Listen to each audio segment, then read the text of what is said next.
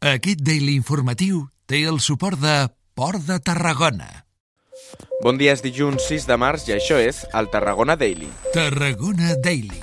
Álvaro Rodríguez. Tres persones han mort aquest diumenge en un accident de trànsit a la TV 3022 al Perelló, al Baix Ebre, mentre que una quarta persona ha resultat ferida crítica. Segons ha confirmat el Servei Català de Trànsit, les tres persones mortes eren adolescents, menors d'edat, veïns de Camarlers. Per causes que s'estan investigant, el cotxe, que circulava en sentit rasquera, ha sortit de la via i ha caigut per un barranc i s'ha incendiat. Un fet que ha produït que es pronunciï el conseller d'Interior, Joan Ignasi Helena. Ha estat un accident al que ha participat un únic vehicle, que hi havia quatre, quatre persones, el conductor i tres més. Els tres eh, ocupants, que no eren el conductor, han perdut la vida, són menors, i el conductor, que és major d'edat, es troba en estat eh, molt greu i ha estat traslladat al Vall d'Hebron.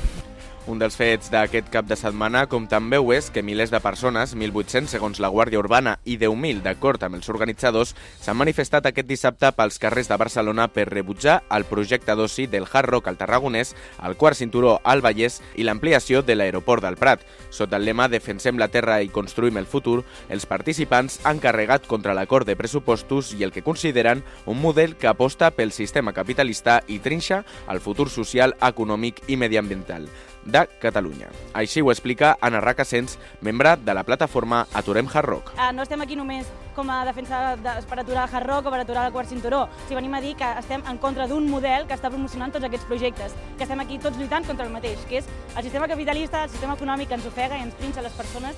Tarragona Daily.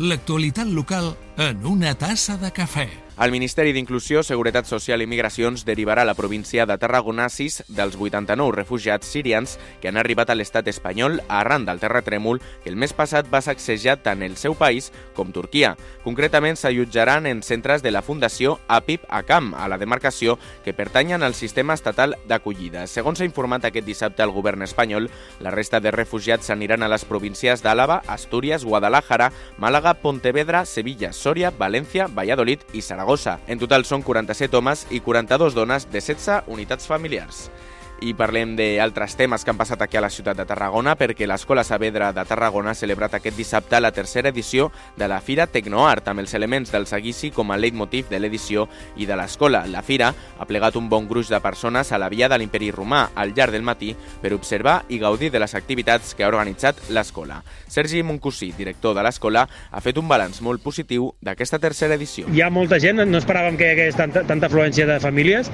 que anem molt per damunt de les expectatives. La gent se la veu contenta, eh, les cares de, no, de, de, la, de, de, de la gent és que, que s'ho estan passant bé, que estan disfrutant. Crec que l'objectiu que és donar-nos a conèixer, que la gent vingui i participi del projecte i que, i que puguin veure i, i, i tocar el que habitualment fem a dins de l'aula, doncs és un objectiu que s'està aconseguint. Això és Tarragona Daily el Daily Informatiu de Ràdio Ciutat de Tarragona. Moment de fer un repàs esportiu del cap de setmana. El Nàstic ha guanyat a la Real Societat B al nou estadi per 2 a 0 en el debut de Dani Vidal com a entrenador. Els tarragonins han avançat molt aviat i han sentenciat en el segon temps des del punt del penal. Victòria clau per trencar una ratxa molt negativa i perillosa. Dani Vidal ha destacat allò que el nou cos tècnic ha volgut impregnar a l'equip des del primer dia.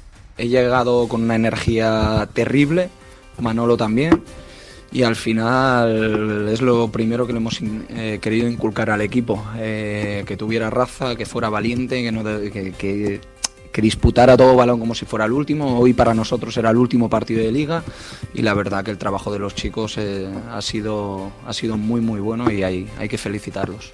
Bones notícies també al bàsquet. El CBT ha guanyat el CC Bàsquet per 79 a 72 al pavelló del Serrallo i encadena dues victòries per certificar la millora en les sensacions de l'equip.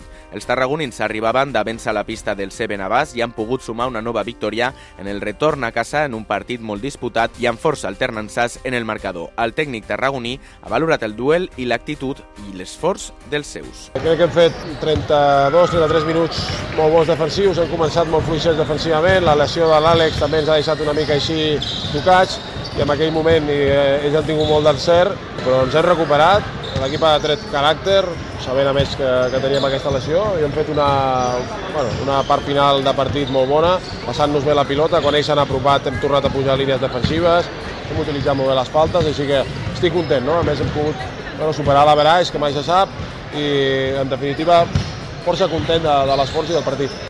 I això és tot. Moltíssimes gràcies per escoltar-nos i recorda que pots escoltar la informació local més destacada cada matí al web de Radio Ciutat de Tarragona, a Spotify i a iTunes. Fes-nos part de la teva rutina. Fins demà. Tarragona Daily.